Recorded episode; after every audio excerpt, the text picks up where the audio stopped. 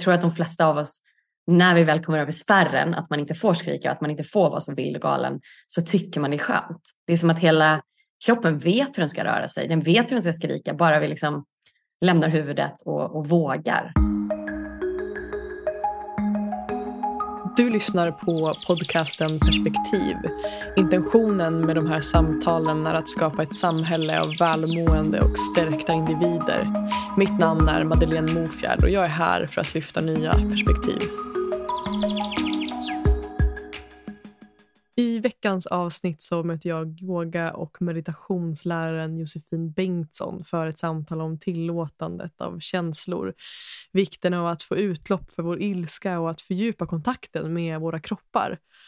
Tillsammans med sin kärlek Carl Dial så driver Josefin retreatcentret The Soul Space som ja, men bäst beskrivs som en helhetsupplevelse för kroppen och själen där du som besökare får släppa vardagen, landa i kroppen och återfå kontakten med dig själv. Och I dagens avsnitt så dyker vi in i frågor som bland annat hur vi kan få utlopp för just vår ilska på ett mer hälsosamt och konstruktivt sätt. Vi pratar också om hur vi kan stärka kontakten med våra kroppar genom att bli mer nyfikna på sensationerna inifrån. Josefin delar också med sig om eh, ja, men hur familjelivet har förändrat hennes syn och hennes relation till just den yogiska livsstilen. Om det är så att du uppskattar det här samtalet och vill stötta mig och mitt arbete så skulle det betyda jättemycket om du ville dela en recension i appen där du lyssnar eller kanske till och med dela din upplevelse av avsnittet på din story och tagga mig. På det sättet så hjälper du mig att sprida de här samtalen och inspirera fler människor till en mer hälsosam relation till sig själva och andra. Ja, vilka tankar, idéer, reflektioner och kanske till och med triggers väcks inom dig när du lyssnar? Jag är jättenyfiken på att höra från dig och mitt namn är Madeleine Mofjärd och du hittar mig enklast på Instagram under namnet Mofjärd. Tack igen för att du hjälper mig att göra mitt arbete möjligt och för att du är här med mig. Hej och välkommen Josefin Bengtsson till podden Perspektiv. Tusen tack. Så himla fint att ha dig här. Det känns som en, ja, som en ära verkligen att få sitta här med dig idag. Detsamma, jättefint. Uh, tack. Nej, men det känns, eh, ja, det känns ny, jag känner mig väldigt i kontakt med min nyfikenhet idag. Jag känner att det finns liksom, jag har en idé och någon typ av tanke så här, vad vi ska, ja, vart, vart, vart jag vill dyka in eh, i med dig. Och samtidigt är jag så öppen för att jag inte har någon aning om vart vi kommer landa i samtalet. och det, där, ja, där blir jag nyfiken. Liksom. Ja. mm, eller hur? Ja. Men jag tänker att innan vi gör något annat skulle jag vilja checka in med dig. Hur, hur mår ditt hjärta idag? Hur är det att vara Josefin idag? Ja, men det är fint. Jag, eh, jag är ju mamma liksom till en tvååring så det är väldigt mycket så här, vissa dagar är jag helt slut för jag inte har sovit. Eh, men i natt var det så att jag, jag sov jättegott och vi vaknade alltid tidigt men jag känner mig väldigt påfylld. Och nu är jag helt ensam här ute på Lyckhem, vilket också är, är annorlunda och det händer inte så ofta. Noah är på förskolan, Karl är iväg på ärenden. Um, så det är lite skönt att bara så här, ja, vara här ah, Jag tänkte precis fråga dig, hur, hur är den upplevelsen? Liksom? Är det något du njuter av eller blir liksom, ja, vad, vad händer i dig när du får vara själv? Jo men det, det är, alltså jag, jag cravar, sen jag blir mamma framförallt så cravar jag så mycket den här typ egentiden. Eh, lugnet när jag bara typ är i min lilla värld. Eh, lyssnar på min kropp och följer mina, så här, lagar, lagar frukost utan att någon typ sitter på, på mig. Eh, men också, alltså, jag älskar ju att vara med Karl också men det, det, är också skönt lite ibland att vara i tystnaden. Och, ja, eh, så, jag, så jag njuter. Fint. Ja, men mm. lyxigt. Ja. Jag tänker, när du, om du checkar in med dig själv just nu i ditt liv, så där, finns det någon speciell plats där du har din uppmärksamhet eller liksom där ditt fokus går just nu i, i, din, i din vardag? Så? Ja, men nu har jag haft en månad eh, här hemma i Sverige eh, utan några retreat, eh, utan några resor, utan jag har verkligen varit här ute väldigt mycket. Så det liksom, för mig själv har jag definierat det lite som ett mellanrum och eh, jag vet att jag behöver de mellanrummen ibland för att typ kreativiteten ska, ska födas. Men det är också alltid då jag går in i eh, inte depression ska jag inte säga, men i det mörka. Det är nu, då, nu jag har tid att så här, möta saker och se saker och, och ifrågasätta. Eh, så det är, också, det är alltid tuffa en tuff tid att, att vara i mellanrummen men hela mitt väsen har eh, cravat det också. Eh, och nu börjar jag lite så här komma ut på andra sidan på något sätt. Eh, så det, det är skönt. Mm, vad fint beskrivet. Jag tänker att det är också en av de sakerna som jag verkligen vill dyka in i med dig. Det här med just det här förhållningssättet till att tillåta känslor, att få vara i det som är. Det här du beskriver, att möta det som kanske känns mörkt eller liksom, ja, men allt det där som kanske inte bara är tummen upp och härligt och juicy. Liksom. um, eller så som det kan kännas i stunden i alla fall. Så det tänker jag att jag verkligen vill ja, vill dyka in i med dig. Och, och jag tänker att innan vi gör det, eh, du är ju liksom en, en, profil och en person som många människor känner till och ändå tänker jag att det, det säkert finns folk som lyssnar som inte känner till dig sen tidigare. Och, och där tänker jag så att ja, men jag är egentligen nyfiken på att höra, så här, finns det någonting som du känner att det här, det här tycker jag att lyssnarna ska veta innan vi liksom dyker in i det här samtalet. Liksom. Och då väljer du själv om det är liksom så här, jobbrelaterat eller vad det, vad det är kopplat till. Men någonting du känner, det här är viktigt att de vet om mig. Um, nej men du var nog inne på det lite. Alltså det, det jag brinner för att dela med mig till världen är mycket att skala bort och skala av lager och fasader och hitta utrymmen för att eh, känna. Känna kroppen, känna känslor, eh, känna sig själv. Eh, så. så det skulle jag säga, även om så här, ja, yoga och meditationslärare ehm, är jag ju också. Ehm, men det som kanske är eh, det unika, och det är väl många som gör det också, men det är att jag bjuder in väldigt mycket, släppa taget, släppa kontrollen och leva ut. Liksom. Vara lite galen. Ja, var lite galen. Ja, men jag älskar det. Det är fint beskrivet. Och jag tänker det, du är inne på det nu också, att du är yogalärare, meditationslärare och du driver också det här fantastiska spacet som jag själv inte har besökt men som jag har sett fantastiska liksom, delningar från och bilder och videos och content som ni har delat från, från The Soul Space um, som, som du driver tillsammans med din man Karl. Exakt. Ja, och där tänker jag, liksom, jag är nyfiken på att höra, vad, vad skulle du säga är, liksom, egentligen, ja, vad, är, vad är drivkraften med, med det space som ni skapar där tillsammans? Och där kanske ni har olika drivkrafter, det vet inte jag, men, men utifrån dig, liksom, vad, vad, skulle du säga inom dig? Vad är det, vad är det som, ja, som växer i dig när du tänker på just det här att få skapa det här spacet som ni gör där? Ja, men det, nu har jag gjort det här, inte just på Lyckhem, men i ja, tio år haft retreat. Eh, och, och drivet är detsamma oavsett om vi är här eller när vi har varit i Indien eller Costa Rica och sådär. Att skapa en plats där människor får släppa vardagen och lämna huvudet och komma ner i kroppen. Så det är egentligen det det handlar om, komma ner i kroppen och där händer ju resten automatiskt. Där kommer ja, de känslorna varje individ behöver känna, kommer upp, eh, insikter kommer, eh, skador läks. Det, det finns så mycket magi bara vi leder uppmärksamheten ner i kroppen.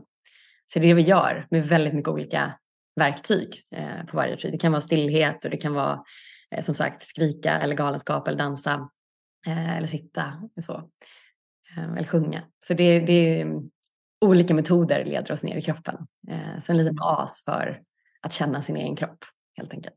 Och Vad skulle du säga liksom, att de praktikerna har betytt för dig? Jag tänker liksom, för jag tolkar också att ditt liv har inte alltid sett ut så här. Liksom, att du kommer också från en annan bakgrund. Och, liksom ja. var, och att den här elden som finns inom dig, att, att ge det här också till andra människor. Alltså, jag tänker att den kanske också bottnar i någonting utifrån att det också har hjälpt mm. dig på ett sätt. Absolut.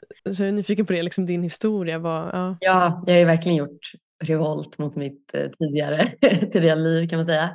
Där jag eh, men var en extrem eh, plugghäst, duktig flicka och eh, ja, jag körde på väldigt mycket i skolan eh, och så liksom. Och var gymnast också. Liksom, var duktig på alla plan på något sätt. Eh, och kände, alltså, jag kände att jag satt fast lite. Alltså som att jag var i en bur. Jag brukar likna det med att jag var en vildhäst som bara satt fast i en bur. Och jag ville bara springa, jag ville bara vara i naturen, jag ville bara släppa taget. Eh, men det, det, fanns inte plats för det. Jag hade inte lärt mig några verktyg. Det var ingen annan som gjorde det. Så att jag, det var bara någonting i mig som alltid har känts fel. Alltså när jag satt i skolbänken, när jag, jag jobbade på kontor som konsult i ett år. Eh, ah, jag, jag liksom, så mycket frustration i det. Att sitta still vid en dator hela dagarna vid ett kontor i tajta jeans. Alltså det kändes, det här är fel. Eh, så jag tror att jag kände en sån enorm kontrast när jag sen hittade yogan och aktiva meditationer. Eh, jag kände mig så, så levande och fri. Och, och det, eh, jag tror att till en början så de jag ville dela det här med eller sprida det här till var mycket de i min närhet liksom, som också kanske framförallt kvinnor som jag också så vet mådde ganska dåligt på Handels och, och på jobbet och sådär. Eh, och bara det, det finns sådana här verktyg, man kan känna sig eh, så här levande. Eh, och som alla till en början så var jag nog ganska jobbig, liksom. nyfrälst. Som så här, ah, gick ut överallt, ni måste prova det här. Eh, nu tror jag att jag har lugnat ner mig lite, att så här, det, ja, det kommer ut till de som, som behöver det. För att jag tror inte alla kanske kräver det här lika mycket. Eh, utan det är nog vissa som bara, men det är fel eh, för mig att, att leva så som många i samhället faktiskt lever. Ja, så en liten revolt kan man säga. Ja, fint. Revolten. mitt gamla liv. Mm. Uh, men var det någonting speciellt som liksom triggade igång den revolten? Alltså var, var det något skifte som så här, okej, okay, det, här, det här går inte längre? Liksom? Alltså var det någonting som hände eller någonting som... Nej men det smög sig nog på, alltså jag mådde dåligt redan på högstadiet liksom. Eh, och så blev det värre och värre på Handels, så himla mycket. Eh, och sen första året på Handels så åkte jag på en eh, resa till Thailand och där kom jag i kontakt med yogan för första gången och såg så här, jag tror inte det var så mycket själva krigaren och solhälsningen, men jag såg en helt annan livsstil och jag såg att okej, okay, så här kan man också leva. Man kan bo här i, i djungeln i Thailand och, och liksom yoga hela dagarna. Um, man behöver inte så mycket pengar, man behöver inte göra karriär. Så det, var no, det var bara något så skifte som, som hände mig som inte ens typ fanns på min karta riktigt innan för jag var så hjärntvättad in i, i det andra. Du fick se liksom, aha, det fanns en annan verklighet. Liksom. också. Ja. ja. häftigt. Ja. Jag tänker just det här begreppet yoga, alltså det, jag, jag tänker att ja, det, det, blir liksom allt större och större och, och liksom vi i västvärlden anammar det här och så vidare. Och jag tänker att jag bara fick upp den känslan nu av att det kan ju vara så att vi har helt olika liksom, bild av yoga, vad det innebär. Och därför tänker jag att det finns kanske något fint i att ställa dig just den frågan liksom, kring vad du, vad, du, ja, vad du associerar till yoga. Alltså vad betyder yoga för dig? Men det är något form av ärligt möte med mig själv. Ehm, en stund där jag ehm, lämnar huvudet, kommer ner i min kropp och där kommer ofta svar. Liksom. Där får jag reda på att oj, jag behöver gråta eller eh, oj, jag känner så här, eller, jag är jättetrött eller jag har massa energi. Ehm, så det är så här, stannar upp lite, lämnar huvudet och, och hittar en annan kontakt. Så det är ju någonting väldigt mycket mer än de fysiska positionerna eh, på något sätt. Um, mm. Så allt kan väl vara yoga egentligen. Alltså, träna kan vara yoga kanske. Eller, men det är väl att yogan är just så långsam och kontrollerande att, att det blir ofta lättare att, att hitta, känna sig själv där på något sätt. Ja, men jag, tänker, jag hörde eller läste um, ett citat som du delade någonstans. Jag vet inte exakt vart det här var. Eh, men där du skrev det här att eh, alltså just vikten av att känna kroppen från insidan snarare än att fastna i hur den ser ut på utsidan. Mm.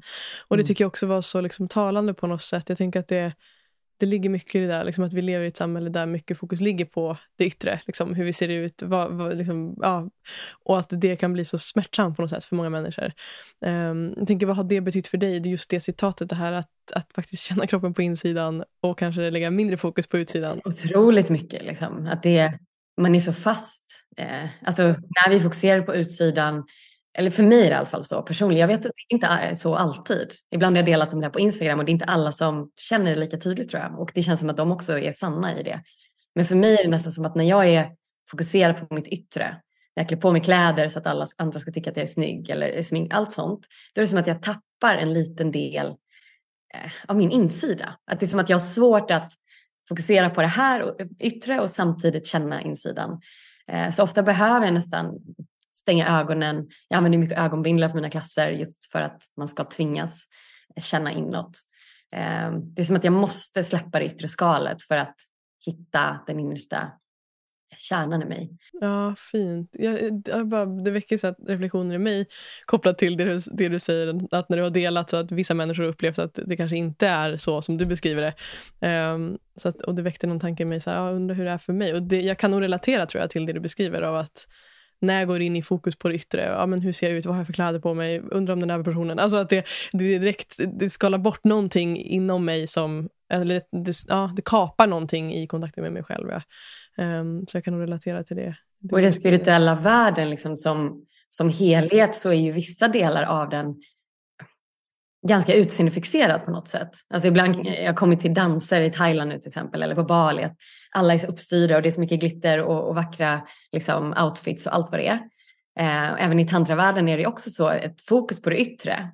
Och det, alltså, de förklarar det med att man spelar roller och, och liksom jag, kan, jag kan fatta grejen. Det är bara att jag aldrig har upplevt, tror jag riktigt, att jag är i kontakt på dansen när jag har klätt upp mig eller klätt ut mig. Eh, så det, och det kanske är liksom nästa nivå. Vissa kanske klarar det, liksom. men jag är inte där Mm. än. Jag vet inte. Ja, ja. Nej, det är Men det olika, jag liksom, tror att det är lätt att, att lura sig själv. Om man går direkt från Stureplan eller nattklubben till, till tantran och bara byter lite variation på kläderna. Då, många är nog bara kvar i yttre skalet. Det är fortfarande att man är ute och, och raggar på dansen kanske. Eller Ja. det- Exakt. Ja, men, och det är ju spännande för det kan jag också uppleva liksom när det kommer till yogavärlden att, att den också på många sätt, eh, för, och, ja, jag vet inte vad jag egentligen vill komma åt men det att jag kan också uppleva det som att yoga i västvärlden kan bli väldigt prestationsfokuserad liksom. och även som du är inne på också utseendefixerad. Det ska vara Ja. fina tajta tights som framhäver Ja. rumpan. Det ska vara liksom det Ja, ena ja, det snygga kroppen, allt det där är, är det viktigaste. Precis. Kan du Ja. uppleva det också? Att det är liksom Absolut. Ja. Eh, och det, jag tycker inte det är konstigt. För att vi lever i en värld som är jätteutseendefikserad. Och sen börjar man yoga. Att, att man helt ska släppa det där. Det är svårt liksom. Så att, och även prestation och allt. Så att det första som händer ofta när folk börjar yoga är ju att man blir väldigt fokuserad på att klara en viss position och, och så vidare. Och viss, alltså, jag behövde också ta den rundan liksom in och sen blir man skadad och så märker man bara oj, det, det fanns något mer i yogan, det var något som var viktigare. Eh, så att man behöver kanske gå igenom vissa så här Stages. steg bara i, Ja. även i yogan. Eh, på något sätt och prova sig fram och, och bara försöka vara ärlig med sig själv hela tiden. Det tror jag är det viktigaste. Okej, på den här klassen nu när jag var på en klass säger vi, då det enda jag fokuserade på var att jag skulle se snygg ut för den där killen bakom mig eller eh, vad läraren tyckte om mig eller vad det nu kan vara. Att man ser de tankarna, det är då det blir intressant på något sätt. För vi är människor och sådana, alltså att helt tro att man inte har någon utseendefixering, alltså det är nog väldigt få som är där också. Eh, Så det är väl att hitta någon, någon form av balans och typ ja, se sig själv och se sina tankar. Tänker jag är också nyfiken på det här liksom, dynamiken i det, liksom, det yogiska livet, det spirituella liksom, förhållningssättet till livet som jag tolkar att du också har liksom, så, utifrån det, det lilla jag har sett. Och, och, och, ja, att, och då tänker jag i relation till, till livet som mamma. Och som, jag vet inte, är ni gifta eller Vi ska gifta oss i Ni ska gifta. Ja. Jag blev osäker om ni var, är gifta. Men ändå så här, ja, att Mm. vara i en relation och nästan vara gift. Förlovad i alla fall. Eh, Ja. och, och leva det livet. Hur har det liksom påverkat eller kanske förändrat ditt förhållningssätt till, till ditt liksom yogiska perspektiv Mm. på livet? Jag har eh, verkligen ödmjukats. Det var superbra för mig. Jag hade ju många år när jag liksom verkligen kunde gå all in i, i yogan och meditationen och jag gjorde så jag bara galenskap. Liksom. Kastade mig in i så mycket retreats och ja, allt möjligt. Eh, och vilket var jättefint. Och det, jag kände att jag växte så mycket. Men sen typ för att komma till nästa nivå i mig själv, eh, rent spirituellt, så behövde jag en, en relation som speglar mig och eh, någon att gå ut med, någon att utmanas. Eh, på något sätt blir det inte lika lätt att, att bypassa eller fly när någon hela tiden typ ser en. Eh, och, och nästa steg att bli mamma, liksom, där blir jag ju utmanad hela, hela tiden. Dels att så här, tiden att, att få min praktik och min egen tid, den är, den är mycket, mycket mindre. Um, men det blir mer att yogan och meditationen och livsstilen kommer in i, i vardagen på ett annat sätt. Jag tvingas liksom att det blir för mycket om jag inte gör det, men jag tvingas att, att möta mig själv när jag är med Noah och när jag är med Karl. Um, ehm, vilket är jättevackert och sjukt utmanande. Jätteutmanande i stunder. Alltså nu när jag ser tillbaka, det var så himla enkelt att, att connecta, att, att känna mig, att vara i kontakt med något högre, allt sånt. Um, men uh, mm, jag är glad för, för den här nya utmaningen. Jag var redo tror jag. Ja, exakt. Mm. Ja, men jag kan också tänka på det där ofta, liksom, att på något sätt så är det ju det enklaste kanske är att vara med sig själv. Liksom. Mm. Att, eller liksom för många är det extremt utmanande också, så det är inte det jag menar med just det här att, ja, som du beskriver det här, att ha en spegel också som hela tiden liksom Mm. reflect eh, det som dyker upp, tänker jag. Att det, ja, att det kan vara ett sånt space i relationer som är viktigt också för utvecklingen framåt. liksom. Ja, och jag tror att jag behövde de här åren av så mycket egen tid för att kunna ha en, en djup relation sen. Det var någonting att, alltså jag hade ju relationer när jag var yngre också, lite så här under tiden av min spirituella resa, men den var ändå mycket så här, det var jag och min, och min resa och jag var inte så intresserad av eh, någonting mer, någonting djupare. Um, för att jag behövde bara skala bort och skala av och se vem är jag då på något sätt. Eh, och sen var jag redo att, att möta Karl. Eh, mm. Så alla, alltså det är väl olika för alla, men det kan vara så att man, man kan behöva en stund av att bara vara själv också i sitt liv. Vad skulle du säga har varit något av det liksom mest kraftfulla som du har fått syn på inom dig själv i relation till Karl? Alltså någonting som så här, oh, det här visste jag inte om mig själv eller det här har poppat upp i relation till honom. Liksom. Nej, men det, det, är nog inga så här, det är svårt att sätta ord på stora saker utan det är mer så här små grejer liksom. Alltså vi, vi är mot, han är mycket mer lugn och grundad än vad jag är så att han liksom, jag kommer ju på mig själv när jag är väldigt snabb och eldig. Då liksom står han bara där och, typ inväntar mig och, alltså, eller säger någonting. Um, så att, det är mest sådana små saker att, att jag i vardagen hela tiden får möta mina liksom, akilleshälar eller utmaningar på något sätt med ganska direkt.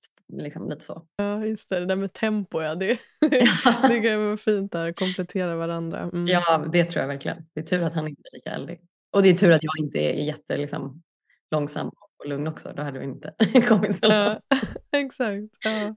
Ja. ja, jättefint. Jag tänker vi var inne på i början av samtalet och touchade lite på det här med liksom känslohantering och att tillåta känslor att flöda genom kroppen och att ja, vad händer när vi möter det där som kanske känns lite mörkare inom oss. Liksom. Um, och ja, men Det är något som jag i alla fall utifrån det jag har sett av dig och ditt arbete tolkar att du på något sätt jag vet inte, ordet som kommer till mig liksom att du har bemästrat det. Jag vet inte om man någonsin kan bemästra det. Men att du har ett liksom snällt förhållningssätt till att känna och tillåta känslor. Um, har det alltid varit så för dig? Eller vad, hur har din liksom relation Nej. till dina känslor förändrats? Ja. Um, alltså, jag har nog alltid liksom hamnat i situationer där jag har gråtit till slut liksom, för att det har blivit för mycket. Alltså, när jag pluggade, alltså, ja, när jag var yngre också. Men resterande känslor, till exempel ilska, säger vi, den har ju, var ju helt förtryckt som för väldigt många duktiga flickor. Eh, så det är något jag har hittat sen och kraften i det och vad det typ, om jag inte uttrycker min ilska känner jag att min sensualitet och sexualitet blir blockerad. Alltså det är så mycket som typ finns där bakom också. Ehm, så det är något jag, jag verkligen Ehm, vill förmedla till världen, eller till, framförallt till kvinnor kanske, och män för den delen, att så här, våga vara i den kraften av ilska på ett hälsosamt sätt. För om alla ägde sin ilska, eh, skrek i ett rum själva och slog med kudden, då skulle ju världen se helt annorlunda ut än att man skrek ut den till någon annan eller var våldsam. Eh, så det, det känner jag är en så stor grej, att så här, ta tillbaka din ilska eller din, ah, den kraften. Eh, och annars är det så lätt att vi slår på oss själva med olika ja, man kanske ätstörningar eller eh, skär sig själv. Allt, allt mycket sånt tror jag kommer när vi bara förtrycker, förtrycker, förtrycker. Um, det, det, finns inget utlopp för det som finns inuti oss på något sätt. Ja, det riktas inåt istället för utåt. Mm, liksom. Exakt. Uh. Men och jag tänker, för det där är också spännande, du nämnde det här att liksom, uttrycka ilska på ett hälsosamt sätt. Vad, liksom, skulle du vilja beskriva det, eller ditt perspektiv på det, att uttrycka ilska eh, och att tillåta att känna det på ett hälsosamt sätt. För jag tror för många så, så blir det direkt det här liksom reaktiva, att ilskan projiceras på en person eller en ett kontext eller en situation. Eh, och att det blir, ja men att vi projicerar ilskan och att den kommer fel, ja, fel inom citationstecken ut. Ja. Så vad, vad, skulle du säga är liksom ett mer hälsosamt sätt egentligen att, att vara med sin ilska? Ja men att, att äga den. Eh, på något, och det är ju så att man kan använda sittande meditation och sitta med, med med en sån stark känsla. Men vad jag känner är när det är såna starka känslor så behöver de typ få utlopp i kroppen. Alltså lite som ett djur behöver liksom få så här, röra sig eller en bebis eller liksom så. Så att det kan bli att den, om den inte får utlopp i kroppen, om den inte får skrika, om kroppen inte får stampa med benen eller armarna får slåss, då är det som att den sätter sig någonstans. Um, och det, jag tror att de flesta av oss när vi väl kommer över spärren, att man inte får skrika, att man inte får vara så vild och galen, så tycker man det är skönt. Det är som att hela kroppen vet hur den ska röra sig, den vet hur den ska skrika, bara vi liksom lämnar huvudet och, och vågar. Um, och det ser jag här på retreaten, det, liksom, det tar ju tid för många att, att våga bara försöka skrika. För det är så tystat så länge. Det är så fel, både för män och, och kvinnor eh, på olika sätt. Liksom, att det, ah, det är för mycket om man skriker. Man är galen, man är vild, man kommer hamna på dårhus. Mm, exakt. Uh. Ja, men och det är ju spännande, för jag tror också att det är en sån hårfin gräns. Det här, för du är inne på det här med att äga ilskan. Och jag tror ändå att för många så blir den här... Jag hör liksom människor ibland som säger så här, ja men jag måste få vara arg. Liksom. Och så blir det det här att man går runt som ett åskmoln och är liksom arg. På, och, och, och, att det också påverkar väldigt mycket människor runt eh, än. Liksom. Eh, och att det ändå någonstans pyser ut på folk, att det, alltså igen, att det projiceras. Liksom. Och där tänker jag att någonstans, eller det jag snappar upp av det du säger också, att, så här, att kanske göra det i ett kontext där det inte behöver gå ut över andra.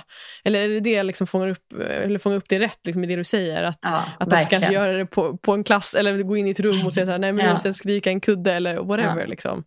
Och där, för det kanske är någonting, man kanske är orättvist behandlade. Alltså det kanske är rimligt att man är arg på någon eller något. Men efter man har levt ut i sin kropp så är det ofta lättare att kommunicera det på ett lite mer grundat sätt till någon person eller vad det nu kan vara. Ja men just och den är viktig, precis att inte heller förtrycka det faktum att man har rätt att vara arg på det man är, alltså så här, ja, det, det man är triggad av. Precis, att det kanske handlar också om att ilska ibland riktar oss till platser där vi behöver sätta gränser eller vara tydliga i vår kommunikation. Ja. Uh.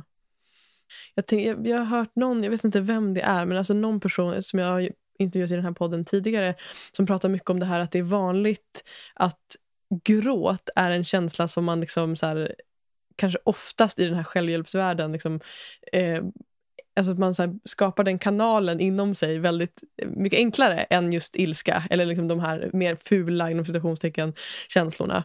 Um, och det kan jag också uppleva i mig att liksom jag kommer från en plats av att inte ha har liksom tillåtit mig att gråta ens en gång i mitt liv, liksom när jag har varit yngre och så. Till att idag vara i, i, i, i liksom djup kontakt med mina tårar, jag liksom välkomnar dem, de känns väldigt renande och läkande och så vidare. Men jag kan absolut känna av att liksom den den liksom pathway till att gråta är så mycket enklare för mig än att uttrycka min ilska. Liksom. Att, den, att den känns så mycket snällare. Och att jag kan gråta och nu komma på mig själv att så men vänta, jag gråter fast jag är ju verkligen inte ledsen. Liksom. Jag är ju arg. Mm. Eller liksom, att det är någon helt annan ja, känsla. Precis. Men det är gråten som är, som är tränad liksom, eller välkommen. Och jag tror, framförallt, jag tror att det kan vara en skillnad mellan män och kvinnor där, lite. Um, att, att i alla fall för kvinnor så är det lättare att hitta gråten. Det är så mycket mer skam att skrika. För killar kan det vara skam att gråta också, så det kan ju vara svårt. Och, och, när det kommer till ilska för dem kan det vara så här att det är alldeles för mycket. Jag kommer typ döda någon om jag släpper fram den här kraften. Jag tycker någonting annat som jag har hört dig eller sett dig dela en hel del om också på din Instagram, det här med liksom känslohantering i relation till att ha barn. Eh, jag har inte barn själv, men jag är väldigt nyfiken på just det här liksom temat. Att hur kan vi vara sanna i relation till våra barn med våra känslor. Oavsett om det är tårar, eller glädje, eller ilska, eller frustration eller irritation eller att man som förälder har konflikter eller vad det nu än må vara. Att, att, att vart går balansen mellan att liksom att vara sann gentemot sina barn och visa att mamma har känslor liksom, eller pappa har känslor. Men att inte heller göra det på ett sätt som blir att vi lägger ansvaret på barnen. Liksom. Hur, hur har det, den resan varit för dig som Nej, förälder? Liksom? Jag tycker det är, det är väldigt klurigt. Liksom. För att jag, jag känner att, eh, för det finns ju stunder när jag råkar börja gråta med Noah, men jag känner att det är, det är nog inte helt rätt att, att totalt liksom vara i känslan med honom. Eh, utan snarare att jag går iväg, äger mina känslor eh, och sen möter jag honom. Men att bara att jag gör det jobbet med mig själv kommer göra att jag accepterar hans känslor mer tror jag. Att jag låter honom vara arg, att jag låter honom gråta. Um, jag vet det, jag är ju ingen liksom, barnpsykolog, men, men jag har någon, ja, det är någon magkänsla av att han inte ska se mig totalt liksom, eh, galen och, och tappare. Jag känner att han inte, nej han ska nog inte behöva ta det, utan för honom ska jag vara ändå en, en stabil mamma, men som, som så låter honom ha alla känslor. Eh, de gångerna jag har råkat börja gråta om honom, då säger mamma är ledsen nu. Alltså, så jag försöker inte hålla bort det så heller. Eh, men det är någon liten balans tror jag. Eh, och kanske framförallt när det handlar om små barn. Liksom. Ja, det måste vara jätte, jag tycker det är så fascinerande och som sagt jag är inte, inte är någon barnpsykolog men bara väldigt fascinerad av ämnet. Liksom, att, och att det, det verkligen, ja, att, precis som du säger, balansen mellan att också att det fin, finns något fint i att också visa barn att vi har känslor. Liksom. Mm, men, men, ja, men att den där är hårfin kan jag tänka. Ja, Eh, men någonstans här, de känslorna jag accepterar i mig eller äger i mig, de kommer jag nog automatiskt låta, låta Noah vara i. Och motsatsen, liksom, är jag livrädd för min ilska eller, ilska eller eh, gråter jag aldrig och är jag rädd för mina tårar?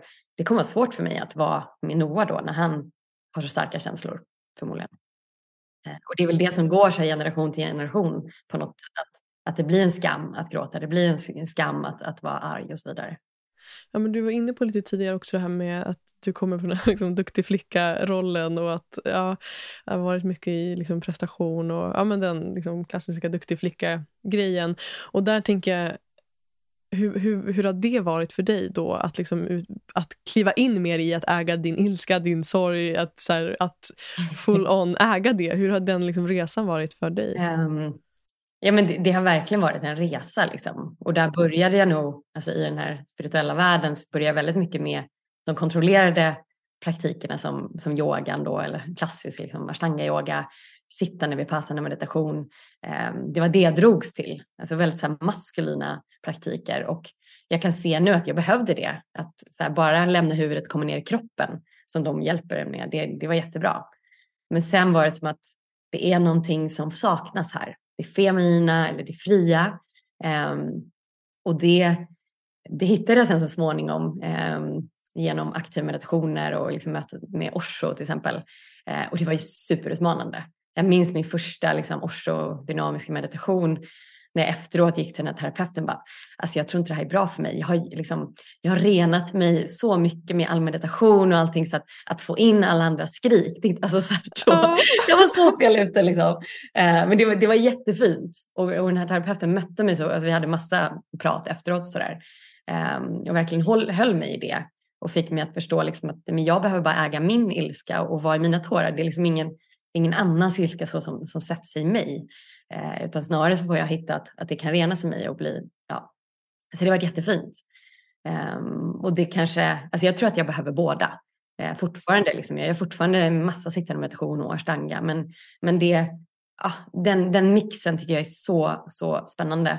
Eh, av det där totalt fria eh, och dansen och, och, allt det till det superkontrollerade.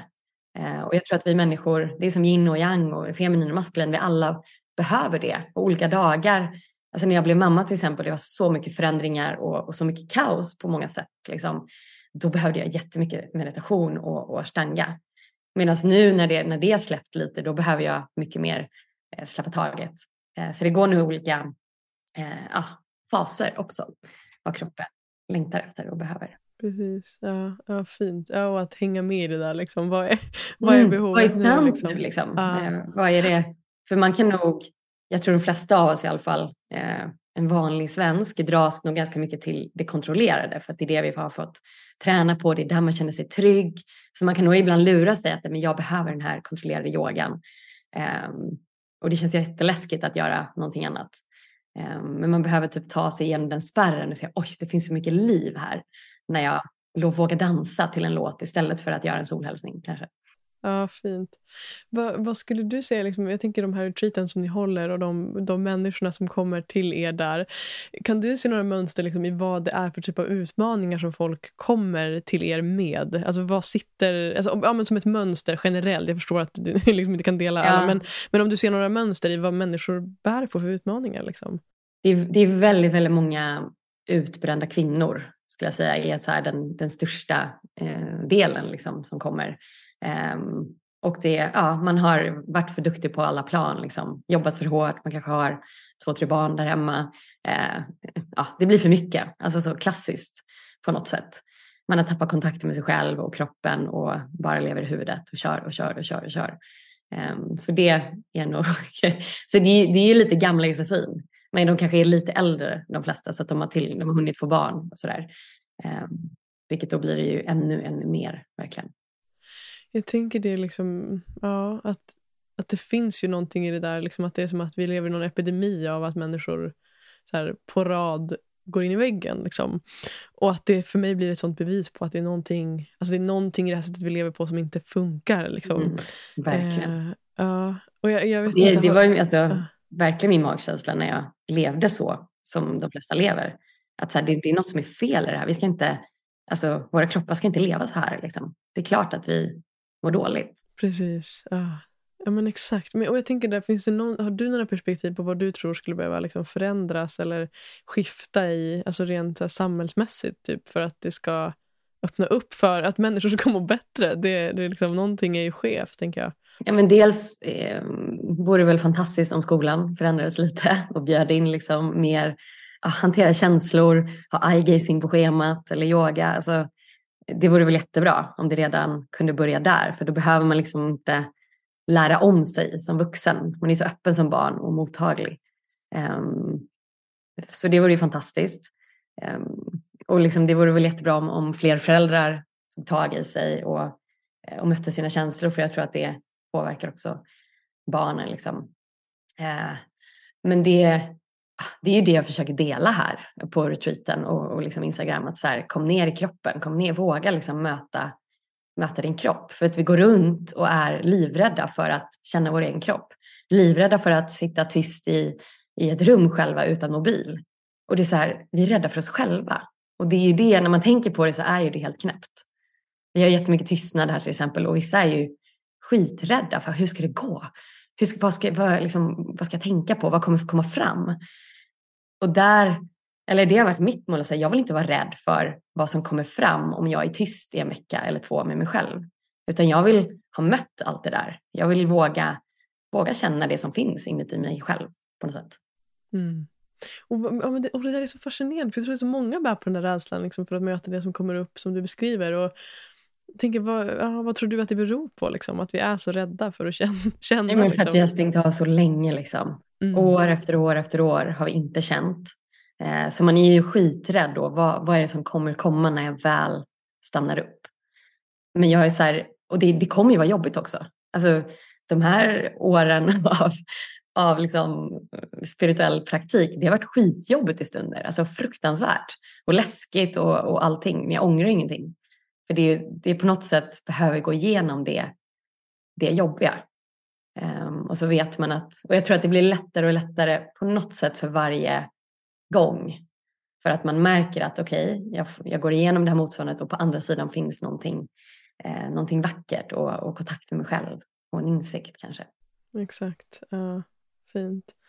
Jag tänker, ja, jag, var in, jag tänkte lite på det här med, eller någonting som jag, någonting som jag haft i fokus mycket själv på sistone, just det här att jag upplever att jag möter många människor, liksom, dels i min, i min närhet, vänner, människor som också är på den här liksom, spirituella resan, den här liksom, inre utvecklingsresan. Där mycket fokus ofta hamnar på det här att, liksom, att tillåta känslor och att vara i det som dyker upp och så vidare. Men att någonstans kan jag ibland någonstans kan jag också ibland känna att det kan bli lite för mycket. Alltså som att det kan också tippa över till att den här världen, eh, alltså den här självhjälpsvärlden blir lite för mörk nästan. Eller förstår du vad jag menar? Att det blir nästan som att så här, det blir som en hang-up på att vi måste känna vårt mörker hela tiden. Att vi glömmer bort mm. att leva. Mm. Eh, är du med på, på vad jag menar? Där, liksom? ja. ja. kan du mm. känna igen det? Liksom, att det... Mm. Eh, och att den kan bli väldigt självcentrerad. För det är liksom jag och mina sår, jag och mitt mörker, jag och min resa. Eh, och där kanske alla behöver fastna en stund. Liksom. Eh, själv har jag ju känt att Eh, Karl och Noah har varit superbra för mig därför att de drar hela tiden mig in i, i verkligheten på något sätt. Um, ja, och öppna hjärtat och, och liksom, det blir andra typer av utmaningar. Det blir inte bara mina gamla trauman och mina gamla sår. Um, och så så det, det är nog absolut en, en balans eh, mellan det, det mörka. För det kan ju också vara att man bara fastnar i alltså lite bypass och bara i ljuset och bliss och kontakt. Och, det finns ju också en sån del i spirituella världen. Exakt. Eh, så det är väl hela tiden så här vara ärlig med sig själv. Och, um... Ja men verkligen, nej, men det håller jag med om. Det finns ju en annan sida av det, exakt som du var inne på. Att, att, att bara se till det positiva. Nej men nu ska jag vara tacksam, ja. jag får inte vara ett offer. Och jag, får inte, liksom, jag är så tacksam och jag är så hjärtat och allt är, allt är underbart, allt är härligt. Det, det är inte sant liksom. Uh, heller. Mm. Nej, och någonstans tänker jag det här, att det häng, för mig så det som kommer till mig det ordet är liksom helhet. Att få vara hela mig, vad innebär det? Det innebär inte att bara vara i mitt mörker, för då blir jag en Nej. halv människa. Men det innebär inte heller att bara vara i mitt ljus, för det är också bara en halv människa. Liksom. Eh, utan att få vara i allt det där. Liksom, och vad innebär det? Och att någonstans kanske det som är, är resan, att liksom hitta till det där. Att bli, bli mer och mer hel, vad det nu betyder. Ja, liksom. men det är väl det att det kan bli för seriöst, liksom, den spirituella världen ibland. Precis, att vi glömmer bort kanske att bjuda in lekfullhet. Och, ja, mm. Exakt. Har du några liksom rutiner? och så här? Jag tänker, vi pratar mycket om det här, att, att liksom, eller du har varit inne på det här att känna, känna vår kropp inifrån liksom, och att vara i kontakt med kroppen. Har du några, jag tänker vi har absolut pratat mycket om yoga här idag, men har du några rutiner så i din vardag som, som du upplever hjälper dig att, att stanna i kroppen? Liksom? Hur ser mm. en dag med Josefin ut? Liksom? ja, ja, men jag har en, en rutin som jag verkligen har haft väldigt, väldigt länge. Liksom. Eh, och det är att jag, jag liksom får min tid eh, på morgonen. Och det, eh, där jag yogar eller dansar eller gör dynamisk meditation och sådär. Och den, den tiden är såklart mycket svårare att få till med, med en liten bebis.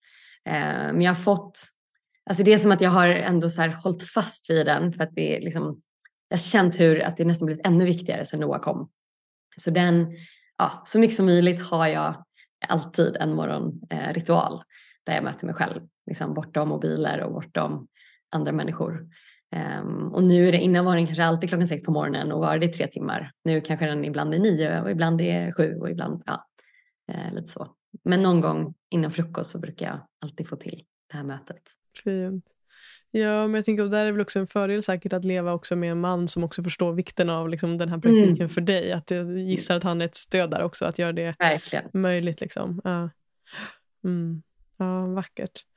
Ja, men det kan jag föreställa mig att det, att det blir ett skifte liksom, i det här med rutiner och vanor. Det kan jag känna, jag har inte barn själv, men just det här att, att, att ha gått från att ha levt själv till att leva som sambo. Bara den grejen liksom, har varit ett skifte i så här, okay, hur prioriterar jag mina, mina stunder för mig?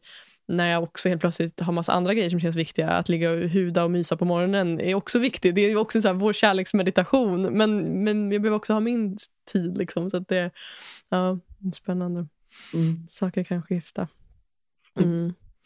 Jag, en annan sak som jag har tänkt på mycket kopplat till, till dig är just det här liksom balansen. Du var inne på det här med det maskulina och det feminina. Och jag vet inte om vi jag vet att många människor blir triggade när man nämner de liksom, energierna, men, men om vi ändå kallar det för det. Då. Eh, eller liksom balansen mellan varandet och görandet och det här liksom, balansen i vardagen mellan att ha massa saker att göra, både som mamma i liksom, drivandet av er kursgård, allt det här som ni har för er, och att bara tillåta sig att bara vara. Liksom. Hur upplever du den, den balansen? Är den lätt för dig att få till? Eller liksom hur... Det är Ja, men det är, det är en, en kamp, absolut. Eh, det är något som jag har jobbat med länge och jobbar med varje dag. Eh, för det är ju jätte, alltså hela samhället är ju fokuserat på det maskulina och på görandet. Och, eh, så det är väldigt lätt att, att dras med. Eh, så sättet jag hanterar det på är ofta att så här, okay, jag har en dag offline varje vecka. För är jag offline då är det ofta mycket lättare att inte vara i, i görande. Ehm, och absolut att, att vara med ett barn är ju görande också, men det är också mycket lek. Eh, så bara jag typ kopplar bort mobilen och det så känns det mycket som att jag är i, ja, i det mjukare och i feminina och i, i varandet. Eh, och även liksom, jag sätter aldrig på mobilen förrän efter frukost. Då blir det också mer eh, varande. Så jag känner att speciellt när jag bor här ute, för då då liksom hela min omgivning är ju eh, väldigt ren eller vad man säger. Det är inte massa bilar, det är inte massa stressade människor utan allt lugn finns här. Jag kan gå ut i skogen liksom på en meter så är skogen här.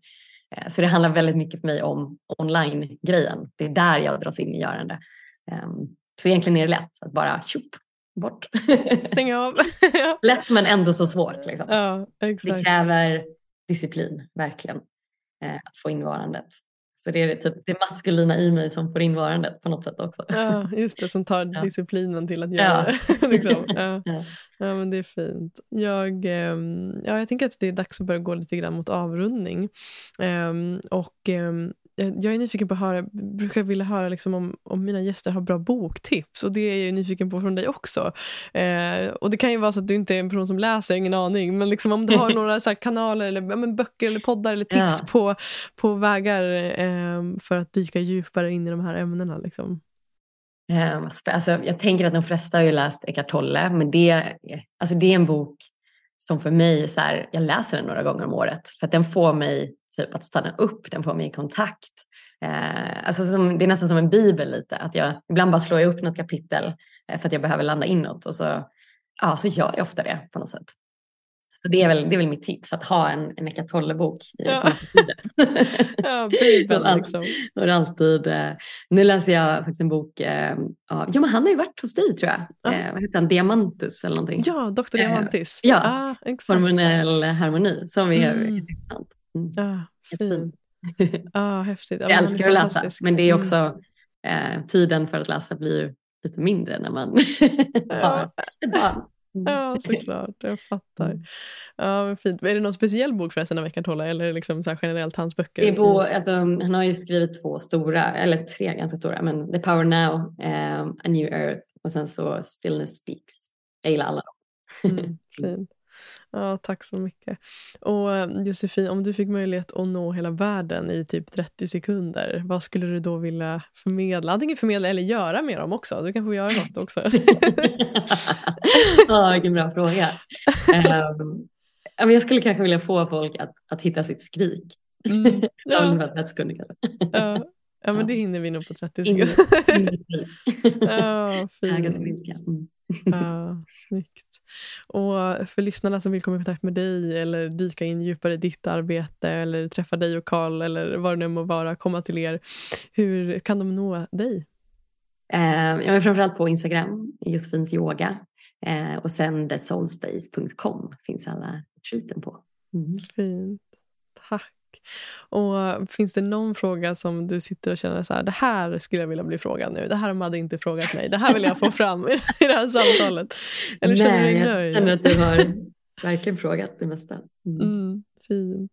Ja, då säger jag tusen tack verkligen för den här timmen. Det har varit eh, fantastiskt att möta dig och det känns ja, jättelyxigt att få ge det här samtalet till lyssnarna. Så tack. Mm, tack detsamma, jättefint. Tack till dig som har varit med oss i det här samtalet. Jag ser fram emot att få möta dig som lyssnar och ta del av hur det här samtalet landar i dig. Vilka tankar, insikter och kanske till och med triggers växer dig. Det skulle betyda allt om du delade med dig till mig på sociala medier. Skriv till mig eller posta på din story och tagga mig så låter vi det här samtalet leva vidare. Du hittar mig på Instagram under namnet Mofjärd utan Äh, och på Facebook vill jag också välkomna dig till den slutna gruppen Mofjärd Community där vi möts för att prata vidare och lära oss av varandra och, och varandras perspektiv. Du hittar länken i beskrivningen till det här samtalet. Tack igen för att du är här.